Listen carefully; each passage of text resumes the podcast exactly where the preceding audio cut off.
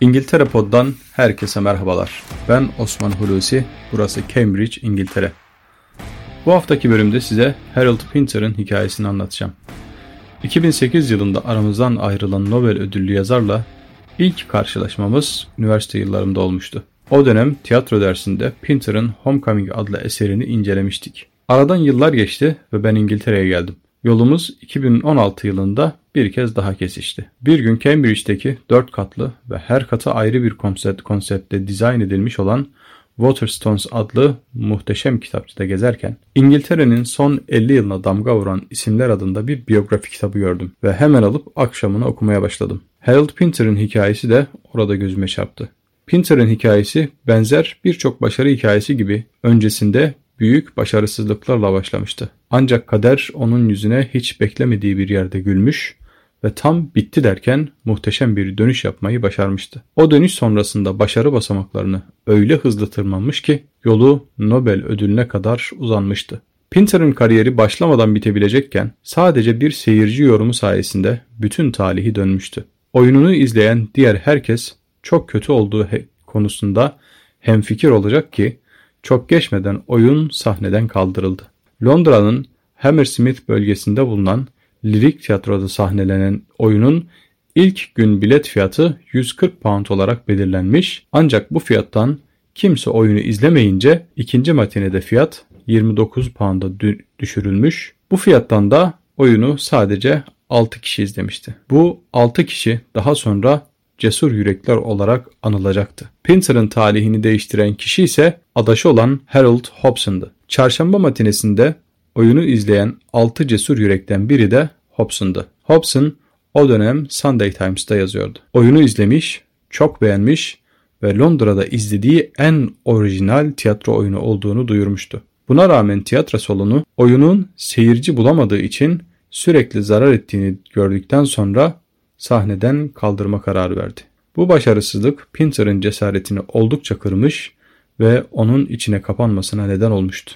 Pinter takip eden birkaç yıl boyunca hiçbir şey yapmadan dolaşıp durdu. Ama daha sonra bir şeyler oldu ve seyircisiz kaldığı için sahneden kaldırılan oyun bir anda herkesin keşke izleyenler arasında ben de olabilseydim diye hayıflandıkları bir efsane haline dönüştü. İş burayla da kalmadı. Pinter, Nobel Edebiyat Ödülüne uzanan bir başarı silsilesinin kapısını aralamış oldu. Harold Pinter, İngiliz edebiyatına da bir kavram hediye etti. Kendi soyadından türetilen Pinteresk kavramı onun oyunlardaki kendine has üslubunu tanımlamak için kullanılır. Pinter kelimelere özel ilgisi olan ve dili çok iyi kullanan bir yazar. Kurduğu cümleler, bu cümleler için seçtiği kelimeler ve bunların oluşturduğu diyalogların hepsi üzerinde durulmuş öğelerdi. Onun bir diğer özelliği ise oyunlarında kullandığı duraksamalardı. Her hikayede, her oyunda duraksamak gereken yerler olabilir. Bu normaldi ancak Pinter için duraksama yeri geldiğinde yapılabilecek bir şey değildi.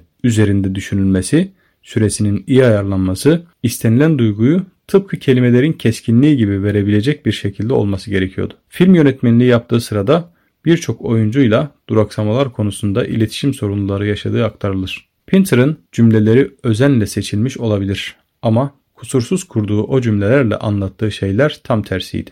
Bir kere onun eserlerinde cevaplanmamış sorularla karşılaşmak çok olağandır. Kestirilemeyen duygular, içinden çıkılamayan haller, huzursuz bakışlar ve kavga eden susuşlar. Bunların hepsi Pinter'ın eserlerinin ana omurgasını oluşturan unsurlar olarak karşımıza çıkıyor. En bilinen eserleri arasında The Birthday Party, seyirci bulamadığı için sahneden kaldırılan ve sonra Pinter'ın başyapıtları arasında yer alan eser. Caretaker bir berduşla zihinsel sorunları olan birinin arkadaşlığını incelediği eseri. Homecoming bir bilinmezin etrafında yaşayan bir ailenin konu edildiği, yanlış anlaşılmaların, korkuların ve kınamanın iç içe geçtiği eser. Yukarıda saydıklarımız Pinter'ın tiyatro eserleriydi. Bir de sinema yönü vardı. Burada da iki filmi öne çıkıyor. İlki 1964 yılında çekilen The Servant yani Hizmetçi, İkincisi 1967'de çekilen Accident yani kaza filmleriydi. Bu filmlerde İngiltere'deki sınıf sistemi